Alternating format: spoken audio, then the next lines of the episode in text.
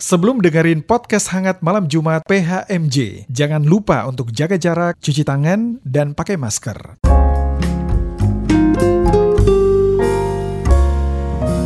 Podcast hangat malam Jumat. Selamat malam Sobat Hangat, bagaimana kabarnya? Semoga semuanya tetap baik dan sehat-sehat semuanya ya. Nah Sobat Hangat pada hari Kamis yang lalu kita juga kan ikut merayakan Hari Raya Idul Fitri terutama untuk saudara-saudara kita yang muslim ya. Dan eh, yang pasti mungkin ada yang mendengarkan PHMJ, kita walaupun udah seminggu nih, kami mengucapkan selamat Hari Raya Idul Fitri ya. Nah, sobat hangat, kita juga kan harus memelihara semangat kebinekaan, memelihara toleransi dan membangun kerukunan ya sesama anak bangsa Indonesia. Apalagi pada tahun ini nih, masih ingat kan minggu lalu perayaan Idul Fitri bersamaan dengan hari penting bagi kita umat Kristiani, kita memperingati kenaikan Tuhan Yesus ke surga. Nah, sobat hangat, tidak terasa kita sudah memasuki pertengahan tahun 2021 nih dan kondisi sekarang ya kita masih terus ya beradaptasi dengan pola hidup new normal. Mengapa? Karena kita masih berada di situasi pandemi saat ini. Dan pandemi ini tentunya membuat kita ya harus belajar gitu kan dari macam-macam gitu. Termasuk kita nggak boleh lengah, kita tetap menjaga diri kita, uh, dengan segala macam protokol kesehatan yang kita sepakati sama-sama ya. Nah, dengan kondisi kita yang seperti ini pastinya ya kita udah mulai terbiasa dengan kebiasaan-kebiasaan baru gitu. Bekerja di rumah, mengurus segala hal dari jarak jauh, melakukan pekerjaan dan uh, mengurus rumah tuh dalam waktu yang bersamaan. Nah, dari sisi yang lain kita bisa melihat positifnya kita tuh sekarang jadi multitasking gitu kan ya sobat hangat.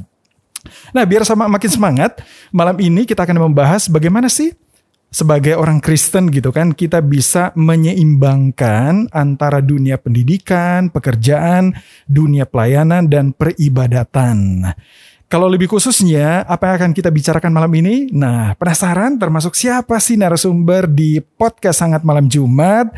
Saya kasih clue ya, buat kalian sobat hangat, narasumber yang akan kita ajak malam ini seorang perempuan seorang pendeta, seorang pendeta GPIB yang sejak persidangan Sinode 20 di Balikpapan terpilih untuk menjabat salah satu jabatan ketua di Majelis Sinode GPIB yang ke-20.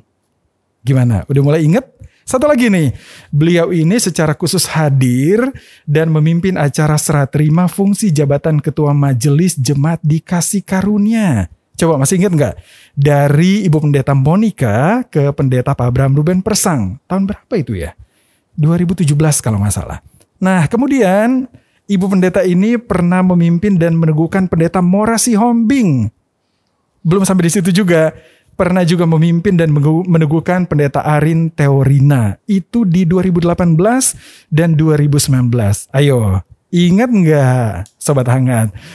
Kalau udah mulai agak-agak ingat, saya langsung menyapa aja. Narasumber kita malam ini, kita langsung ketemu dengan Ibu Pendeta Maureen Susan Rumeser Thomas MTH, yang biasanya nama akrabnya Ibu Pendeta Susi yang juga sebagai Ketua Tiga Majelis Sinode GPIB. Selamat malam Ibu Pendeta Susi. Selamat malam Pak Dodi. Selamat malam Sobat Hangat.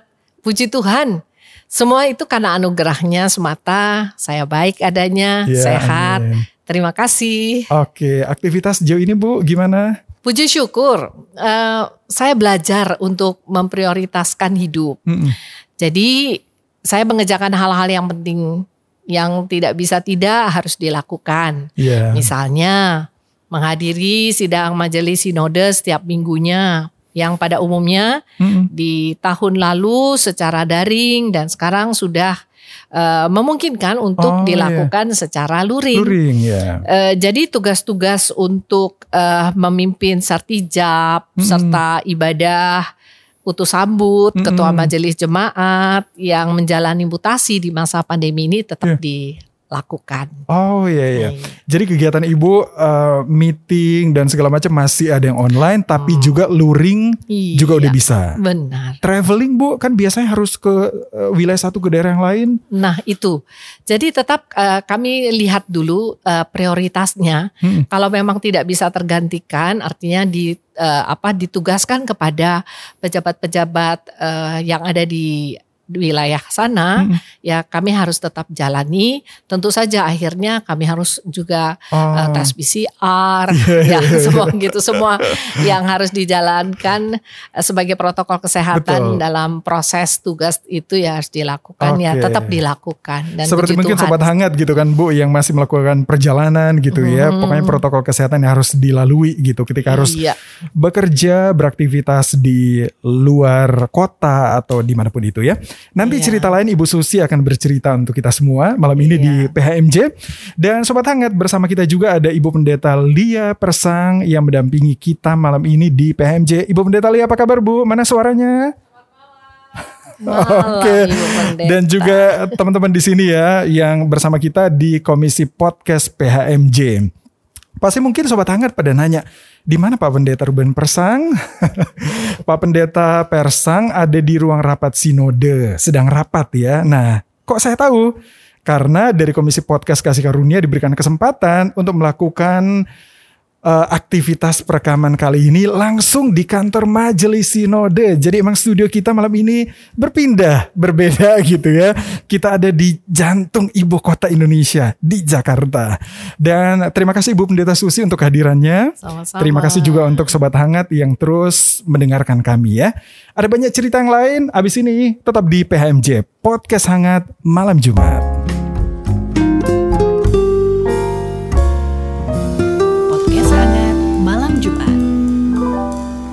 Kembali di podcast Hangat Malam Jumat PHMJ. Nah, Sobat Hangat, sebelum kita ngobrol lebih jauh dengan narasumber kita, tadi kan kita udah kenalan singkat ya dengan Ibu Pendeta Maureen Susan Rumeser Thomas MTH sebagai Ketua Tiga Majelis Sinode GPIB.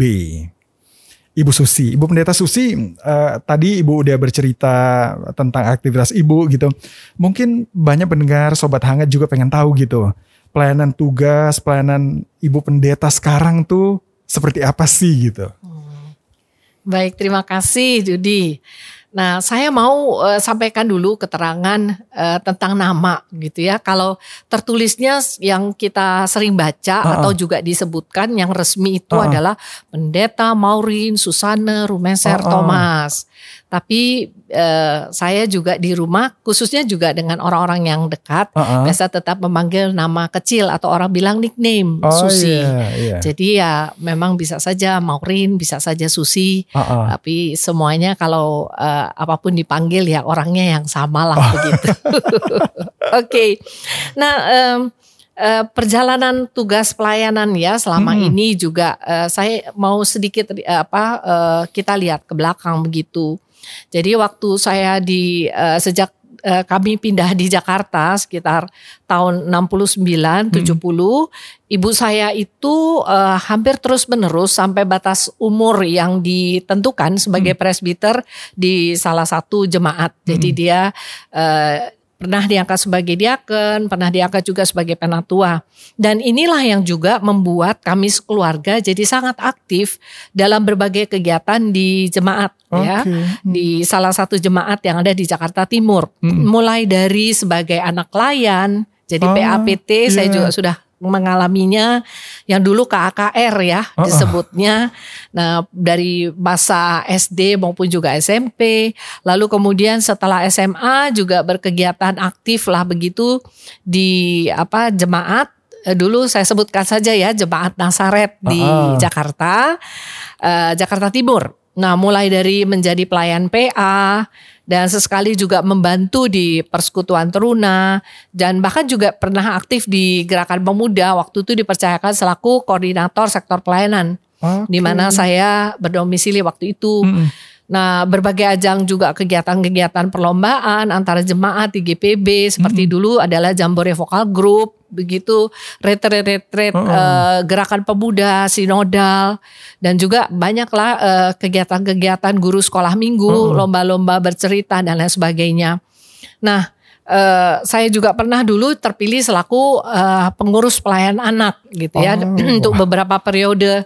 Dan sempat ketika pertama kalinya adanya persekutuan teruna uh, saya sempat juga menjadi pengurus tapi kemudian itu hanya sementara saja. Hmm. sampai akhirnya eh, ada pelayan-pelayan senior yang di mana pada waktu saya berjemaat di Nazaret Hmm. itu guru-guru eh, pelayan anak dan persekutuan teruna itu dipanggil encik dan enku. Oh, Nah, sampai dengan sekarang begitu ya. Jadi mereka kadang-kadang sampai bilang, wah dulu ini eh, kami panggil nama, Anda menyebutnya encik dan enku ah, gitu. ah, ah. Tapi lama-lama kok jadi panggil nama kecil juga. Wah, akhirnya tanpa sadar bahwa perjalanan waktu itu juga membuat mereka jadi tahu mereka semakin tua Heeh. dan mereka juga ada rasa juga ya seperti kita juga lah ya. Heeh. eh, merasa bahwa kalau dulu ini masih anak-anak PA begitu ya.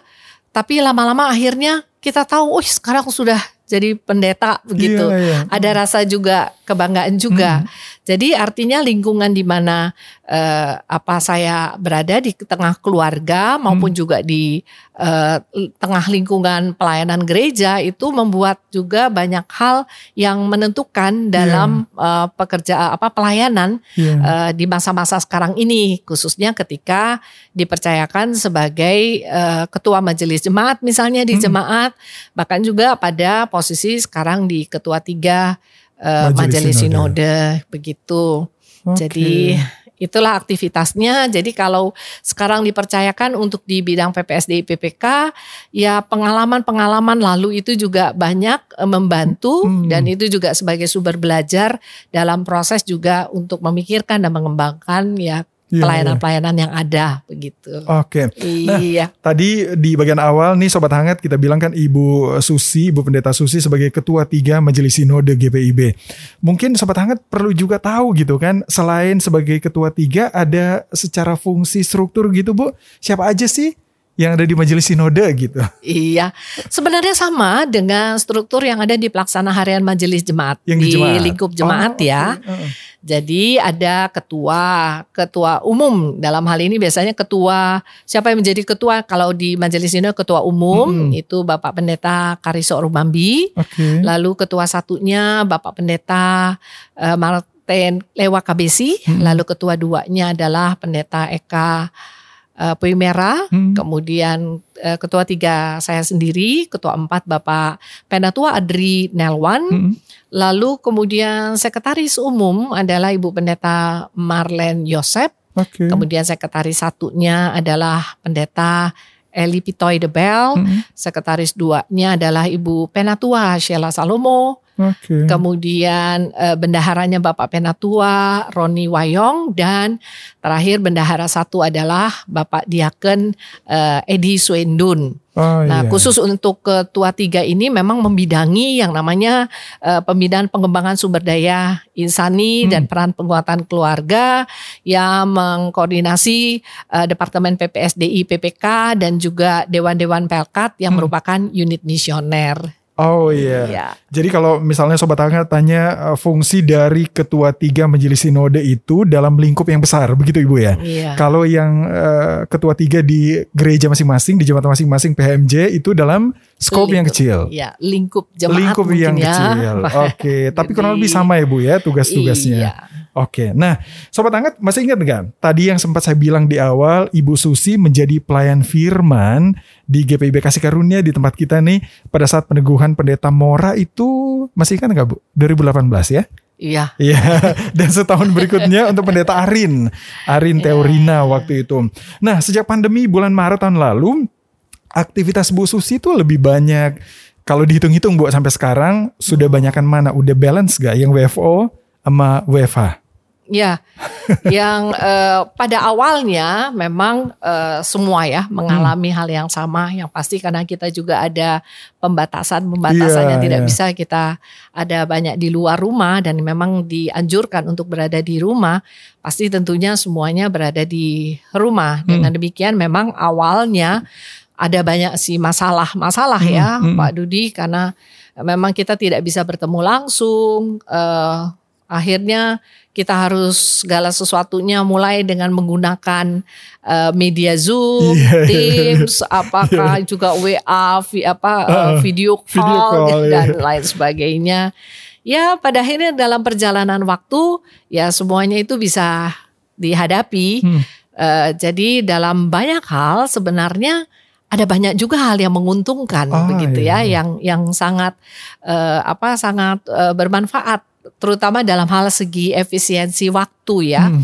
Dan tantangannya justru ya kitanya semua harus belajar, oh. belajar hal-hal yang berkaitan dengan teknologi yang dulunya wah kita abaikan iya, ya iya. itu nantilah gitu ya itu urusan orang lain tapi hmm. mau tidak mau itu sekarang harus mau tidak mau kita kita jalani dan kita belajar banyak okay. dari hal itu. Ibu tadi eh, hmm. menyinggung soal tantangan. Bu, kalau kita tahu kan sebagai seorang pendeta itu kan harus banyak pelayanan, harus ketemu hmm. banyak orang gitu. Nah, di masa setahun lebih ini uh, tantangan-tantangan semacam itu uh, apa yang Ibu secara pribadi rasakan dan gimana mengatasinya, Bu? Kan harus ketemu orang, salaman, kasih kalau orang konseling gitu. gimana di masa-masa ini, Ibu? Uh, kalau dilihat uh, bahwa kita ingin berjumpa satu sama lainnya, memang akhirnya kerinduan itu tidak bisa terjawab hmm. selalu hmm. Hmm. karena uh, situasi kondisi tadi ya. Uh, apa ada pembatasan jumlah orang atau yeah. juga uh, kalau kita pada waktu yang lalu itu belum di swab mm -hmm. gitu ya atau mm. uh, apa menjalani PCR gitu ya dan yeah. Iya. uh, lain sebagainya yang berkaitan untuk kita menjamin bahwa kita itu bebas uh, gitu ya dari COVID ya akhirnya memang mau tidak mau kita harus ada di apa uh, apa berada di uh, di rumah. Tetapi mm -hmm. hal itu ya membuat kita uh, banyak hal yang bisa kita lakukan yeah. begitu. Malah justru di balik semuanya ini ada rasa ungkap syukur juga mm -hmm. bahwa uh, ada apa perubahan waktu, uh, situasi, kondisi yang membuat kalau lihat dari sisi baiknya hmm. ada banyak kebaikannya yeah, yeah, yeah. dari situasi itu. Nah, sobat hmm. hangat kita bisa belajar dari Ibu Pendeta Susi dalam berbagai tantangan ada banyak kebaikan uh, hmm. dari Tuhan yang kita bisa juga belajar Ibu ya. Yeah. Beradaptasi dengan situasi, belajar lagi dengan teknologi dan macam-macam. Hmm. Nah, Bu Pendeta ada yang menarik juga nih. Sudah lebih dari setahun kan sekolah-sekolah ditutup tuh Bu. Yep. Anak-anak belajar dari rumah dengan sistem online yang tadinya mungkin orang tuanya kerja uh, fokus gitu kan. Sekarang kondisinya berbeda gitu. Untuk uh, keluarga, untuk orang tua dan ya kita tahu Bu banyak anak warga jemaat GPIB yang juga ya terdampak dengan situasi ini ya. Gimana Ibu Pendeta Susi melihat mengenai keseharian kita dalam bekerja, anak-anak kita belajar di rumah selama pandemi sejauh ini Bu? Iya yang selalu kita dengar di mana-mana bahwa para orang tua mengalami banyak uh, apa kesulitan uh -uh. yang melahirkan banyaknya keluhan-keluhan ya karena ada situasi kondisi yang berubah uh, lalu kemudian uh, tanggung jawab dalam hal pendidikan uh -uh. bagi mereka itu yang mereka serahkan kepada guru di sekolah uh -uh. kini mereka harus uh, apa mereka ambil, harus alih, ambil alih gitu ya yeah. untuk dilakukan. Nah mungkin um, kita coba untuk melihat uh, pada hal yang hakiki. Pertanyaannya adalah begini kepada kita sebagai renungan ya, hmm. tanggung jawab pendidikan yang utama itu sebenarnya ada di mana? Yeah, yeah. Ya tanggung hmm. jawab utama pendidikan uh. bagi anak-anak itu sebenarnya ada di tangan siapa? Iya. Yeah. Kita selalu akan uh, mengatakan, oh itu ada di guru-guru hmm, di sekolah, sekolah gitu ya. Bahkan juga yang di lingkup uh, gereja hmm. itu tanggung jawabnya para pelayan PAPT oh, gitu ya. Oh. Nah sekarang ini kita harus coba untuk uh, apa merefleksikan lagi dengan pertanyaan tadi, hmm. siapa yang menjadi uh, penanggung jawab utama pendidikan? Maka jawabannya sudah jelas. Tanggung jawab pendidikan yang utama itu sebenarnya adalah pada para orang tua. Hmm. Itu poinnya. Guru sekolah, pelayan PAPT itu hanyalah membantu hmm. Para orang tua. Yang selama ini sering kali kita salah kaprah bahwa orang tua itu e, menyerahkan pendidikan Yeah. eh, anak-anak mereka ke sekolah, ke gereja, begitu. Hmm. Mereka hanya tinggal bayar Iya. atau pokoknya eh, segala sesuatunya disorong gitu ya, iya. dialihkan Mm-mm. ke lembaga eh, pendidikan umum gitu Betul. dan juga Mm. gereja. Nah, inilah kesalahkaprahan bahwa sesungguhnya bukan seperti itu. Oke. Jadi tanggung jawab pendidikan yang paling utama itu adalah sekali lagi saya sampaikan adalah pada orang tua. Nah, Guru, pelayan itu hanya membantu menguatkan orang tua yang mempunyai tanggung jawab untuk mendidik anak-anak mereka. Hmm. Nah, eh, dengan demikian eh, paradigma itu harus berubah. Oke. Jadi kalau ada keluhan-keluhan, kalau rasa berat untuk melaksanakan tugas eh, sebagai orang tua yang mendidik Hmm. anak-anak mereka karena mereka tidak bisa eh, apa melakukan tugas eh, apa menyerahkan tugas itu ke sekolah. Nah, Hmm. kini harus diubah yaitu bahwa orang tualah yang memang harus memiliki kewajiban Hmm. juga untuk eh, melaksanakan pendidikan bagi anak-anaknya. Oke. Nah, Iya.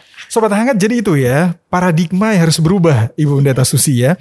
Kalau mungkin Anda, mungkin kalian tuh yang selama ini yang tadi Pendeta Susi bilang, waduh kita kan taunya menyerahkan semua ke sekolah gitu kan, tugas tanggung jawab pendidikan.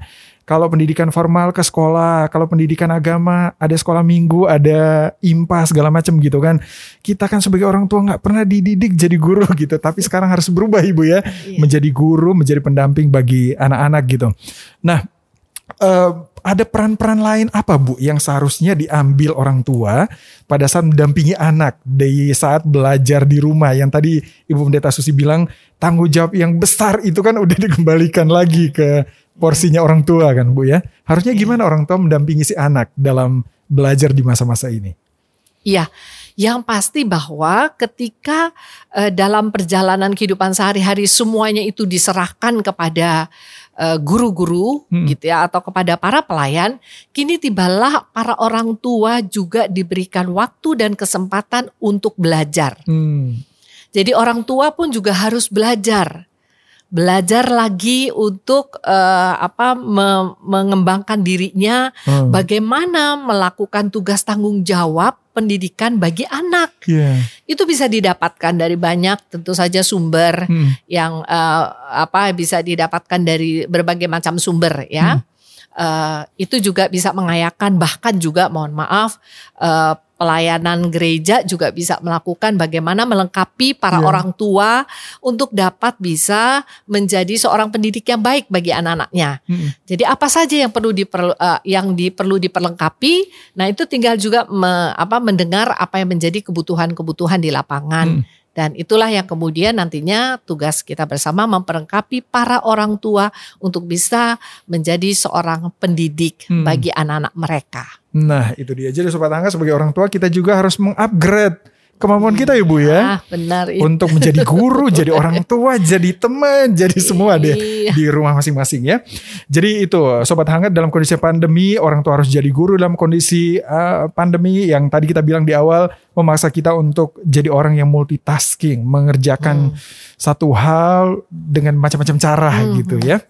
Oke, Sobat Hangat masih banyak cerita yang pengen kita tanya dan kita pengen dengar dari Ibu Pendeta Susi. Abis ini ya, tetap di Podcast Hangat Malam Jumat, PHMJ.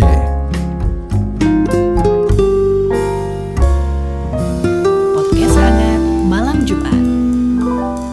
Kembali lagi di Podcast Hangat Malam Jumat PHMJ dan Sobat Hangat di segmen sebelumnya kita sudah bicara tentang kita sebagai orang tua yang juga harus menjadi sosok seorang guru ya di bidang pendidikan anak di masa pandemi ini.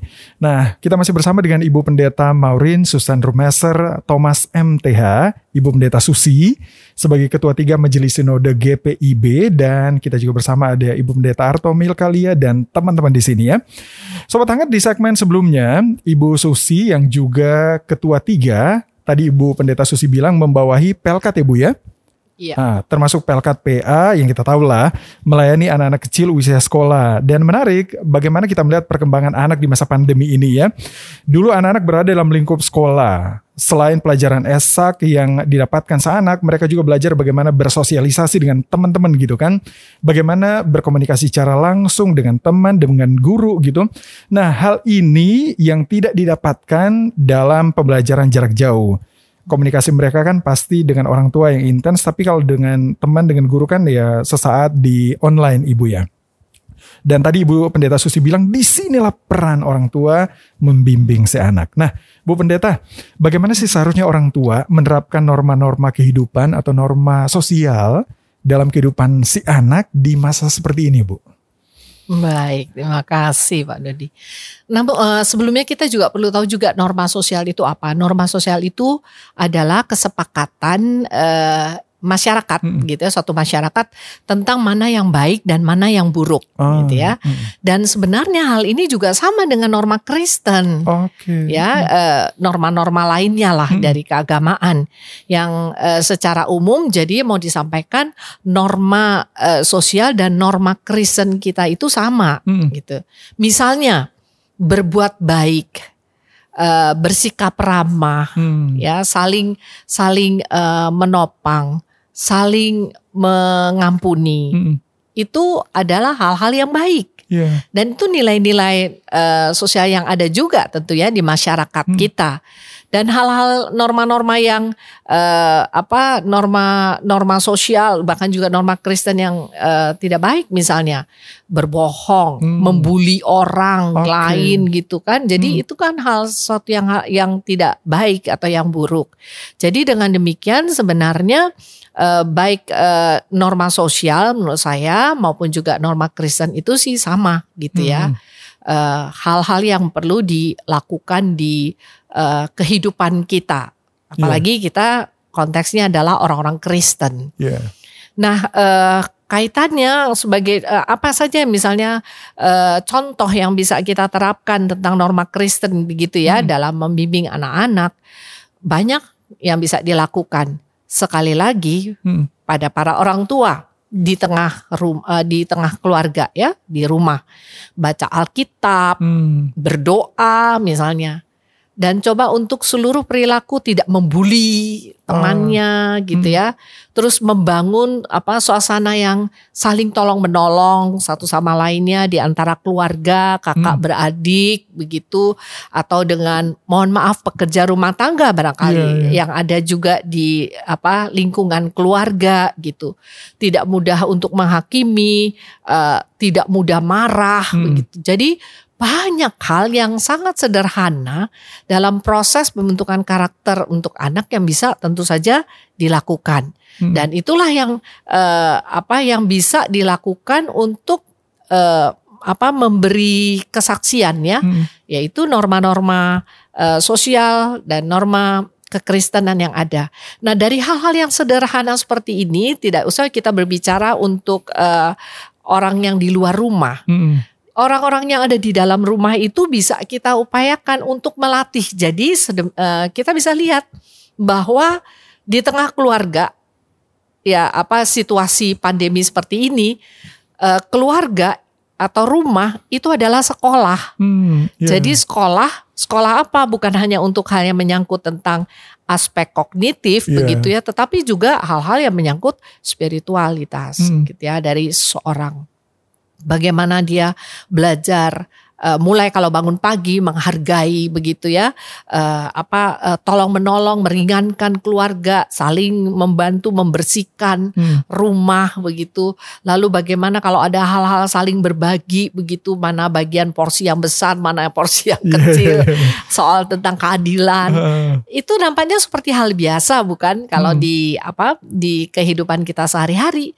Tapi justru semua yang kita anggap ya itu biasa, justru itulah yang uh, menjadi bagian dari suatu proses pembentukan karakter seseorang. Hmm. Dan dengan demikian ya mulai dari hal-hal yang sederhana di dalam rumah itu ya menyangkut norma yang kita belajar hmm. kalau menghargai keluarga kita sendiri kita percaya kalau itu sudah bisa uh, terjadi maka ketika juga dia berjumpa dengan uh, lingkungan di luar rumah hmm. hal-hal hmm. yang sudah membudaya di kehidupannya yeah. hmm. itu bisa jadi jadi role model yeah. yang dia uh, tunjukkan dan juga dia lakukan di tengah kehidupan teman-temannya. Okay. Apalagi ketika misalnya uh, apa aplikasi Zoom meeting begitu ya atau Teams yang mereka gunakan hal sederhana ketika walaupun belum berjumpa bertemu langsung baru hmm. hanya lewat online paling tidak selamat pagi. Oh, yeah. Apa kabar temanku? Uh. Kamu sedang apa? Lagi lagi sebelkah? gitu. Uh, kok, kok kenapa mukanya begitu?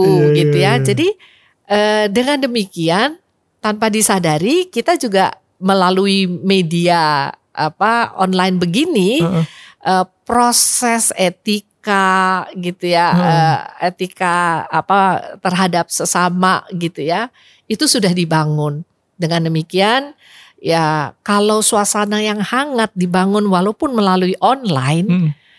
uh, tidak terasa waktu itu akan habis yeah, yeah. gitu ya tapi kalau uh, suasana kehangatan itu dalam membangun apa uh, komunikasi hmm. dengan siapa pun apalagi kalau kita terapkan norma-norma Kristen tadi. Wah itu menyenangkan orang deh, yeah, dan orang yeah. mau untuk ber apa makin lama lah bercakap-cakap, berinteraksi, jadi ya, ya berinteraksi. Hmm. Jadi kita nggak khawatir juga begitu ya, yeah, yeah. Uh, yang menyangkut tentang uh, kehidupan mereka uh, dengan sesama mereka gitu di luar rumah. Ya, yeah, jadi bu yang namanya norma hmm. sosial, norma kehidupan Keren. dan norma kekristenan itu berjalan bersamaan Sama, gitu ya. Iya. Jadi nggak perlu dibeda-bedakan bu ya. Iya, menurut saya begitu. Oke, nah itu tadi dari Ibu Pendeta Susi.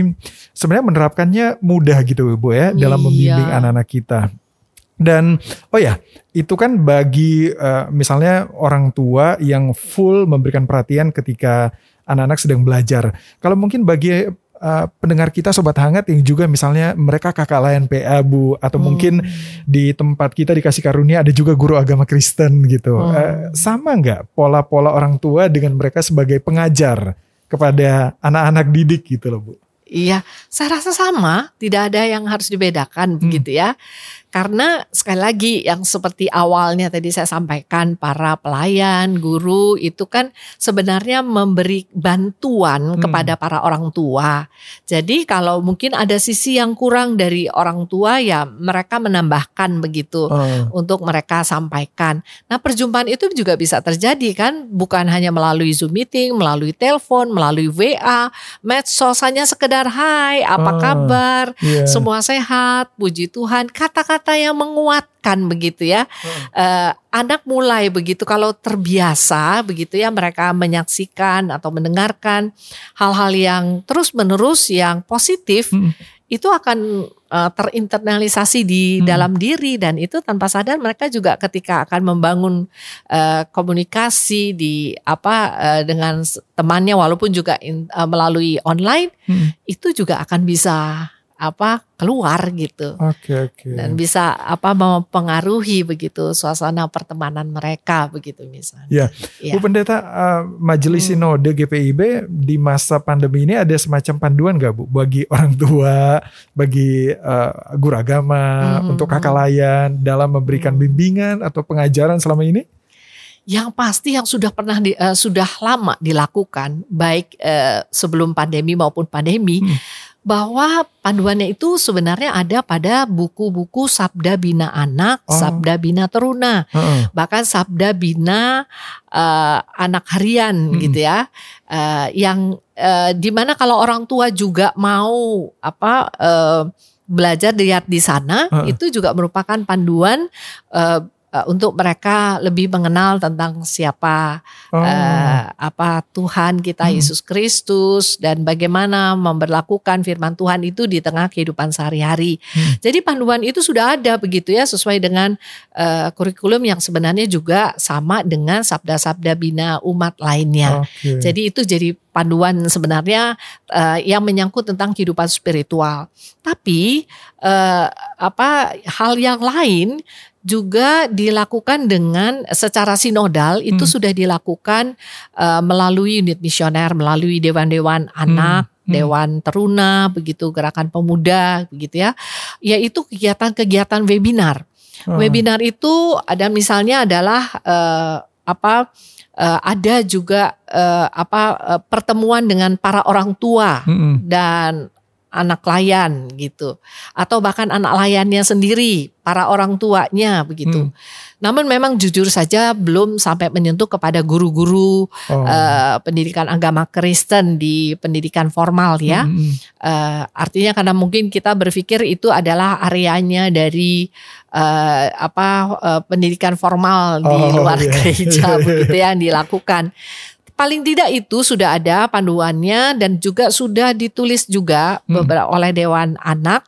Eh, tapi mungkin itu sosialisasinya saja yang memang belum eh, dilakukan secara gencar. Oke. Ya itu Ya, saja. ya, Ya. Jadi eh, sobat hangat itu ya, ya memang betul terlepas dari sekolah formal yang ada yang tadi Ibu Pendeta Susi bilang, tetap sekolah pertama itu keluarga karena keluarga akan membentuk karakter hidup dari anak-anak kita gitu kan. Nah, tadi kalau kita bicara kita singgung soal norma-norma sosial dan bagaimana dengan kehidupan pelayanan karena di masa pandemi ini ya banyak akses gereja yang masih terbatas Ibu ya Iya. yang masih banyak kan online, luring mungkin cuma ada beberapa. Bahkan banyak gereja yang sampai sekarang belum membuka ibadah luringnya. Begitu juga dengan ibadah minggu buat impa eh, untuk eh, teruna dan lain. Nah, em, menurut Ibu Pendeta Susi, gimana sih mendidik anak kita? Ini khusus yang beribadah, Bu. Agar eh, apa ya? eh, pada saat beribadah anak-anak kita tuh tetap fokus benar-benar ngikutin ibadah walaupun itu online gitu. Iya, eh, Pak Dudi. Eh, kembali lagi bahwa peran orang tua itu sangat besar di Hmm. dalam keluarga. Karena itu yang dipercayakan Tuhan ya, tentunya. Yang harus diingat itu yang dipercayakan Tuhan. Hmm.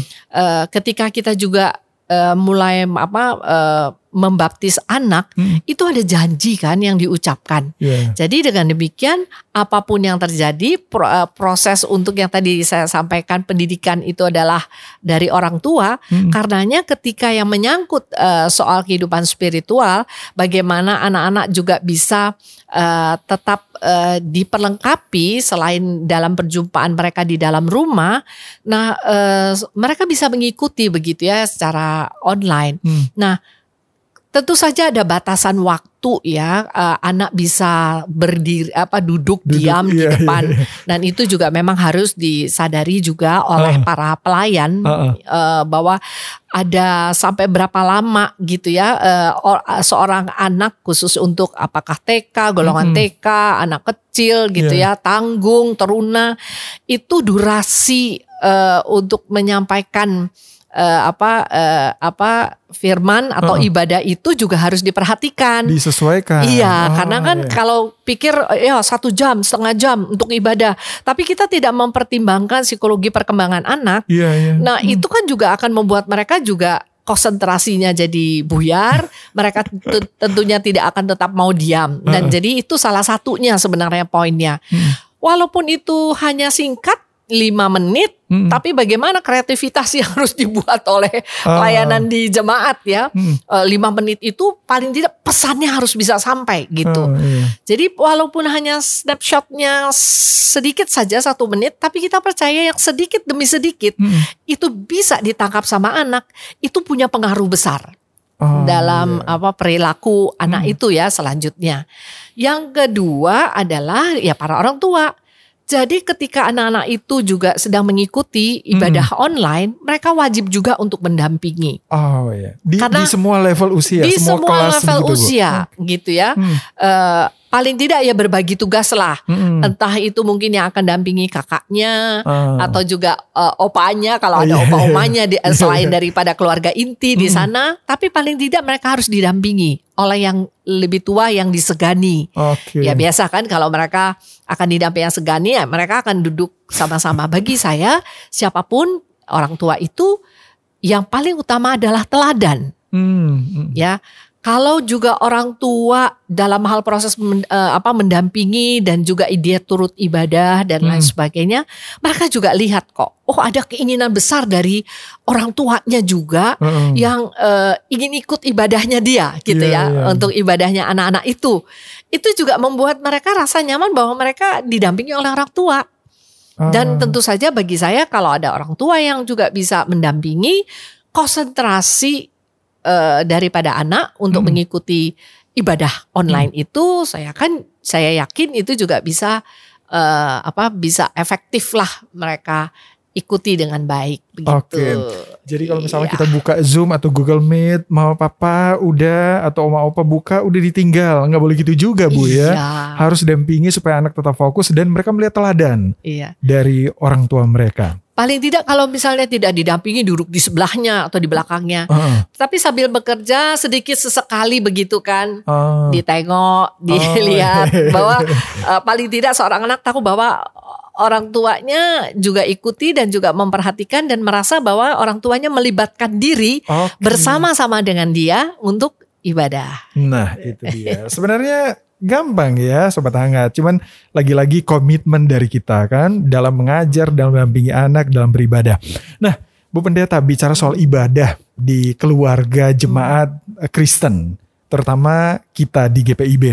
Perlu nggak sih kita menentukan waktu untuk beribadah bersama? Selain tentunya kan ada ibadah minggu buat anak-anak kita, buat Runa, ada ibadah keluarga. Tapi sebagai sebuah keluarga, kita perlu nggak punya hari dan jam khusus untuk menentukan apa ya, untuk uh, menyatakan hubungan kita dengan Tuhan. Perlu nggak bu?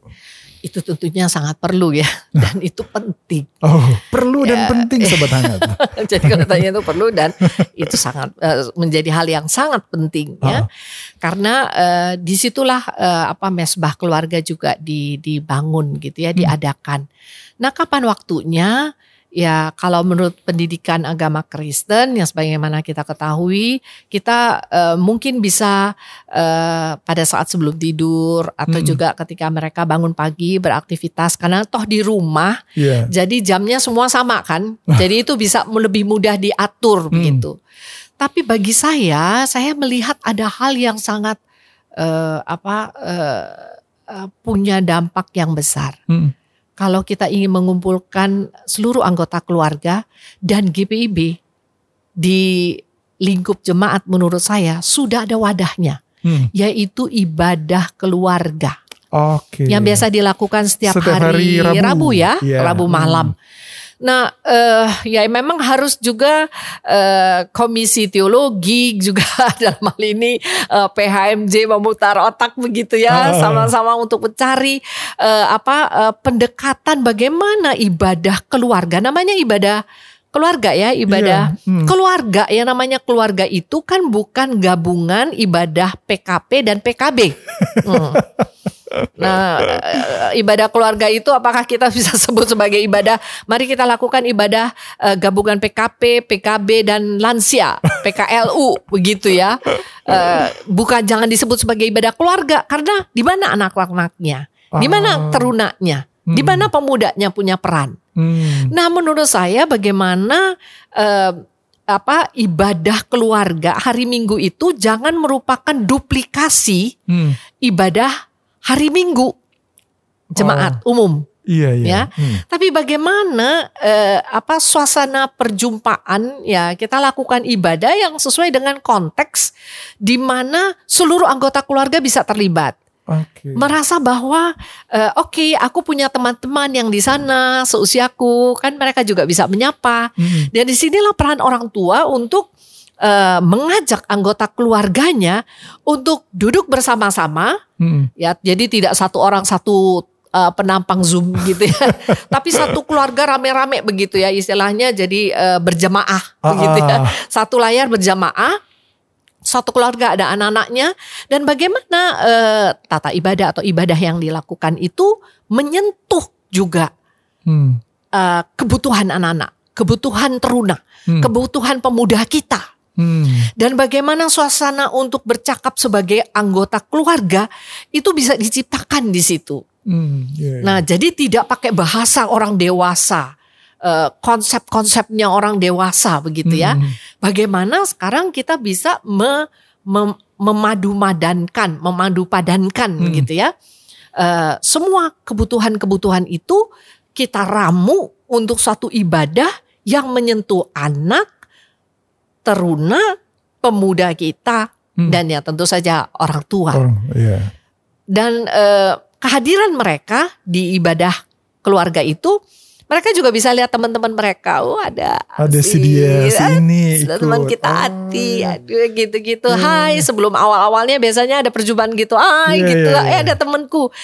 Anak-anak juga kalau melihat ada temannya, uh datang kalaupun juga luring uh. mereka senang kan yeah. apalagi ketika di sana di seberang dalam uh, bentuk ini ya uh, apa daring uh. Uh, ada temanku juga ya dia juga akan tetap ada di situ gitu kan uh. itu uh, apa uh, suasana orang merasa bahwa kalau ada temannya dia akan tetap mau bersama uh. untuk ada jadi menurut saya seperti itu ibadah keluarga itu punya sangat peran penting bukan hanya iba, apa pertemuan ibadah sendiri satu -hmm. keluarga, tetapi bagaimana uh, jemaat dalam hal ini gereja kita berusaha untuk memberi makna yang lebih gitu yeah. ya untuk mengembangkan ibadah keluarga -hmm. di setiap hari Rabu itu untuk melibatkan seluruh kategori yang ada sehingga kalau ditanya hmm. bagaimana ya eh, kita bisa menciptakan keluarga itulah uh, wadahnya yang yeah. sebenarnya sudah ada. Di GPIB wadahnya udah ada di ibadah keluarga setiap hari Rabu itu ya, yeah. Rabu malam. Oke. Okay. Bu, tapi kan GPIB juga banyak bertumbuh di macam-macam daerah gitu kan, apalagi kalau bicara masyarakat perkotaan yang sekarang mungkin udah mulai aktif kembali beraktivitas walaupun masih ada pembatasan-pembatasan gitu kan. Ada orang bilang, "Waduh, kita kan hidup di kota, belum macet, belum segala macam waktu kita untuk ketemu tuh susah banget gitu." Nah, dalam segala keterbatasan ini bagaimana kita uh, tetap yang itu tadi, Bu, memelihara, membangun terus mesbah keluarga di dalam rumah kita? Ya, sekali lagi uh, tidak henti-hentinya saya sampaikan, mau situasinya seperti apa pun, hmm orang tua itu sebagai role model. Yeah. Teladan bagi anak-anaknya. Nah, ketika bisa mampu untuk punya apa uh, apa uh, kekuatan, kuasa hmm. gitu untuk mengumpulkan anak-anak gitu ya. Lalu membicarakan bersama-sama aktivitas mereka. Apa saja yang bisa dilakukan dari pagi sampai dengan malam hari dan dalam kebersamaan untuk itu pula juga ya hmm. membangun gotong royong, uh, membangun untuk saling uh, membantu hmm. itu bisa diaturkan. Jadi kendali waktu itu juga ya tergantung dari percakapan bersama hmm. yang diciptakan oleh uh, dalam hal ini tetapnya orang tua dengan adanya diskusi dengan yeah. mereka agar supaya apa pun kegiatannya tidak melupakan untuk perjumpaan uh, antara uh, mereka hmm. anggota keluarga itu harus tetap punya ruangnya, punya waktunya yeah. tersendiri. Oke, jadi perbanyak komunikasi gitu ya bu ya, ya. dan ya bisa sama-sama ada kesepakatan di sesama keluarga gitu dalam hal ibadah semacam ini. Luar biasa penjelasannya Ibu Pendeta Susi, ada banyak manfaat, pelajaran berharga yang bisa kita dapatkan dari Ibu Pendeta Susi ya, untuk kita sobat hangat tentunya ya. Masih banyak cerita yang lain. Abis ini kita lanjut di PHMJ, tetap di sini ya di podcast hangat malam Jumat.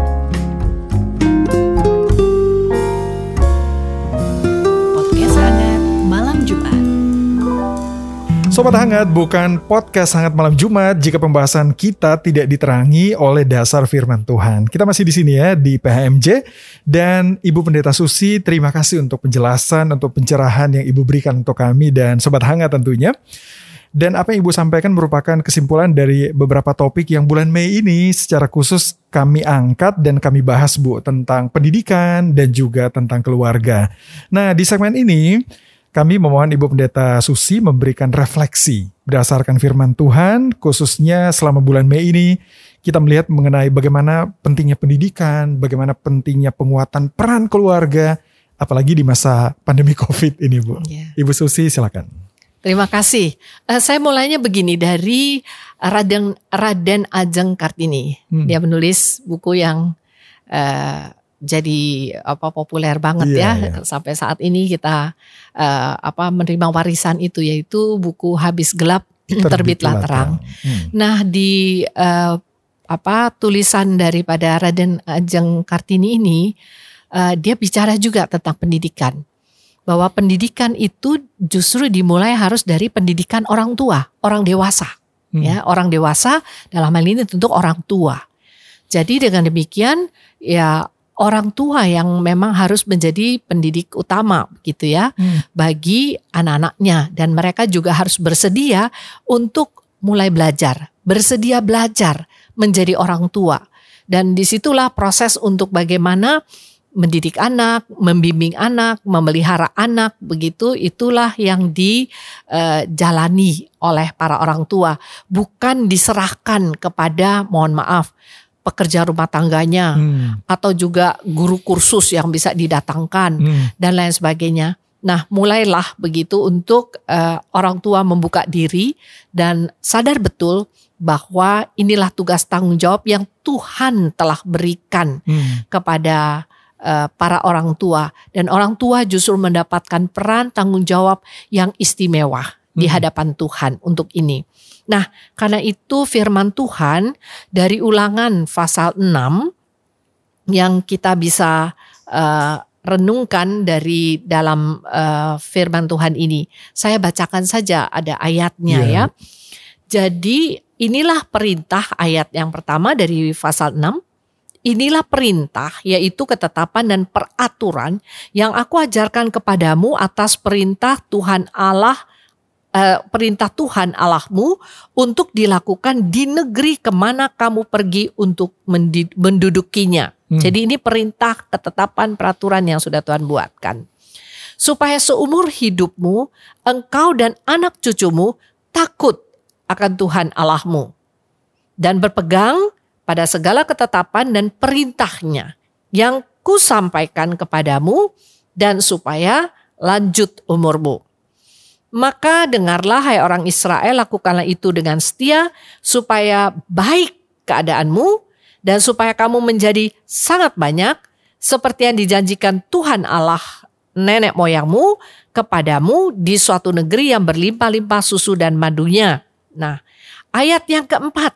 Dengar hai orang Israel, Tuhan itu Allah kita, Tuhan itu Esa. Kasihlah Tuhan Allahmu dengan segenap hatimu dan dengan segenap jiwamu dan dengan segenap kekuatanmu. Apa yang kuperintahkan kepadamu pada hari ini haruslah engkau perhatikan. Haruslah engkau mengajarkannya berulang-ulang kepada anak-anakmu dan membicarakannya apabila engkau duduk di rumahmu, apabila engkau sedang dalam perjalanan, apabila engkau berbaring, dan apabila engkau bangun. Hmm. Jadi yang mau hendak disampaikan ada tugas tanggung jawab yang sudah diberikan Allah.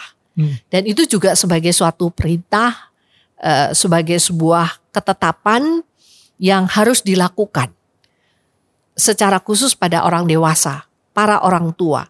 Apa yang harus dilakukan yaitu bagaimana mereka bisa mengajarkannya berulang-ulang. Iya. Jadi mendidik anak itu tidak akan pernah bosan. Tidak akan pernah selesai. Hmm.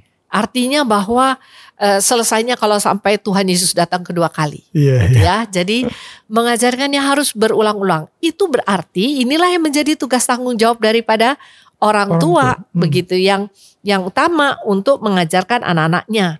Dan anak-anak ini pun juga mengenal Tuhan, proses pembentukan mental spiritualnya yang seperti apa yang dilakukan. Ya kembali lagi pada orang tua, kapan waktunya? Siapa yang paling dekat dengan anak-anak? Ya para orang tua, Iya. apalagi di tengah situasi pandemi seperti ini. Hmm. Rumah menjadi wadah tempat kita eh, bersama-sama untuk membangun kehidupan spiritual semua anggota yang menjadi lebih baik Hmm. begitu. Nah, jadi kapan kapan eh, setiap saat Jadi waktu eh, apa kita kita sedang duduk, kita sedang dalam perjalanan, berbaring, ke mana pun. Hmm. Jadi membangun keakraban dengan eh, apa anggota keluarga itu juga sangat penting. Sehingga kedekatan para orang tua kepada anak-anak mereka itu jadi punya waktu atau dan juga kualitas yang baik hmm. yang ada di sana sehingga dengan demikian ya eh, apa harapan kita terhadap pendidikan anak-anak kita seperti apa mereka hmm. ke depannya tergantung dari apa yang dilakukan oleh orang tua di masa sekarang ini, yeah. terutama di masa pandemi ini. Jadi uh, kita harus membuka diri kita uh, untuk menerima dengan sukacita dan rasa syukur tugas tanggung jawab yang sudah Tuhan percayakan. Hmm. Ketika Tuhan sudah juga mengaruniakan keturunan kepada kita, hmm. maka tanggung jawab itu kan juga sudah kita terima pada saat apalagi ketika kita sudah menjawab kepada Tuhan ya dengan segenap hatiku apa saja kita hmm. kita pernah dengarkan rumusan untuk baptisan apakah engkau sedia untuk uh, mengajarkan hmm. kepada anak-anakmu dan artinya semua tugas tanggung jawab itu dipercayakan Tuhan kepada para orang tua. Nah, kini orang tua lah yang harus mengambil peran itu. Yeah. Ya, tidak bisa ditunda lagi. Uh, peran besar sebagai rasa syukur, jangan sebagai sebuah beban, hmm. gitu ya. Bukan beban ini kok jadi berat ini tambah ini dengan situasi ini tapi rasa syukur iya. karena Tuhan sudah mempercayakan suatu tugas mulia yang luar biasa yang sudah hmm. Tuhan percayakan. Nah, kini bagaimana kita mau menjalaninya? Tentu saja kita harus membuka diri kita, mau belajar juga. Hmm. Kita mohon bimbingan Roh Kudus. Yeah. Tentu saja ini harus kita minta bahwa kita tuh tidak mampu untuk mendidik anak-anak menjadi lebih baik barangkali, tapi hanya oleh kekuatan kuasa Roh Kudus saja yang memampukan setiap orang tua untuk bisa melaksanakan apa yang sudah Tuhan percayakan. Dan kita percaya suatu saat warisan iman yang sudah kita tanamkan ini uh, itu boleh bertumbuh yeah. dan itu juga menjadi sinar hmm. uh, bagi banyak orang di sekeliling mereka dan kita sungguh bersyukur bahwa uh, Tuhan sudah mempercayakan kita sebagai orang tua. Yeah, ya. Yeah. Dan Amin. kita akan menjalaninya dengan penuh sukacita. Amin, amin. Amin. Ibu Pendeta Susi, wow luar biasa untuk refleksi firman Tuhan untuk kita semua sobat hangat malam ini ya. Jadi kita akan bertumbuh, akan berbuah dan itu akan menjadi terus Ibu ya, menjadi cahaya bagi terang eh, bagi semua orang. Semoga bagi kita semua sobat hangat di mana pun kalian berada, kita semua dimampukan untuk menguatkan tatanan kehidupan di masyarakat dan juga di gereja yang tadi Ibu Pendeta Susi bilang dimulai dari penguatan peran keluarga, peran orang tua. Semoga memberikan berkat buat kita semua. Ibu Pendeta Susi sekali lagi terima kasih. Sama-sama. Terima kasih udah Sobat berbagi kasih penguatan. Sehat selalu Ibu. Puji Tuhan terima kasih banyak ya. Terima kasih juga sekali lagi. harapannya untuk semuanya ya. Sobat yeah, yeah, yeah. Uh, hangat juga uh, bisa merasakan terus uh, lawatan Tuhan dalam Amin. hidup kita dan berbuah. Oke, khususnya sekali lagi, PHMJ ini. Oke, terima kasih kesediaan Ibu sudah menerima kami juga di kantor ini Bu di ruangan iya, ini di sama-sama. Eh, kantor Majelis Sinode ya. Dan juga terima kasih untuk sobat hangat di mana pun kalian berada yang sudah mendengarkan kami malam ini sekali lagi ya. Semoga selalu dapat uh, penguatan dari Tuhan tentunya. Terima kasih juga untuk Ibu Mendetalia. Mana suaranya hmm. Bu? Ah, itu dia. Terima kasih untuk Kakak Fikarisonya, juga teman-teman di sini ada Kak Eki, ada Kak Feral dan yang lain ya. Sobat hangat, sampai di sini podcast hangat malam Jumat untuk edisi kali ini. Terima kasih untuk semuanya. Semoga selalu menjadi semangat untuk hidup, uh, menjadi berkat bagi orang lain ya. Terima kasih saya Dodi dan yang lain tetap di sini ya. Dan kita jumpa lagi di podcast hangat malam Jumat episode berikutnya. Selamat malam. Selamat malam.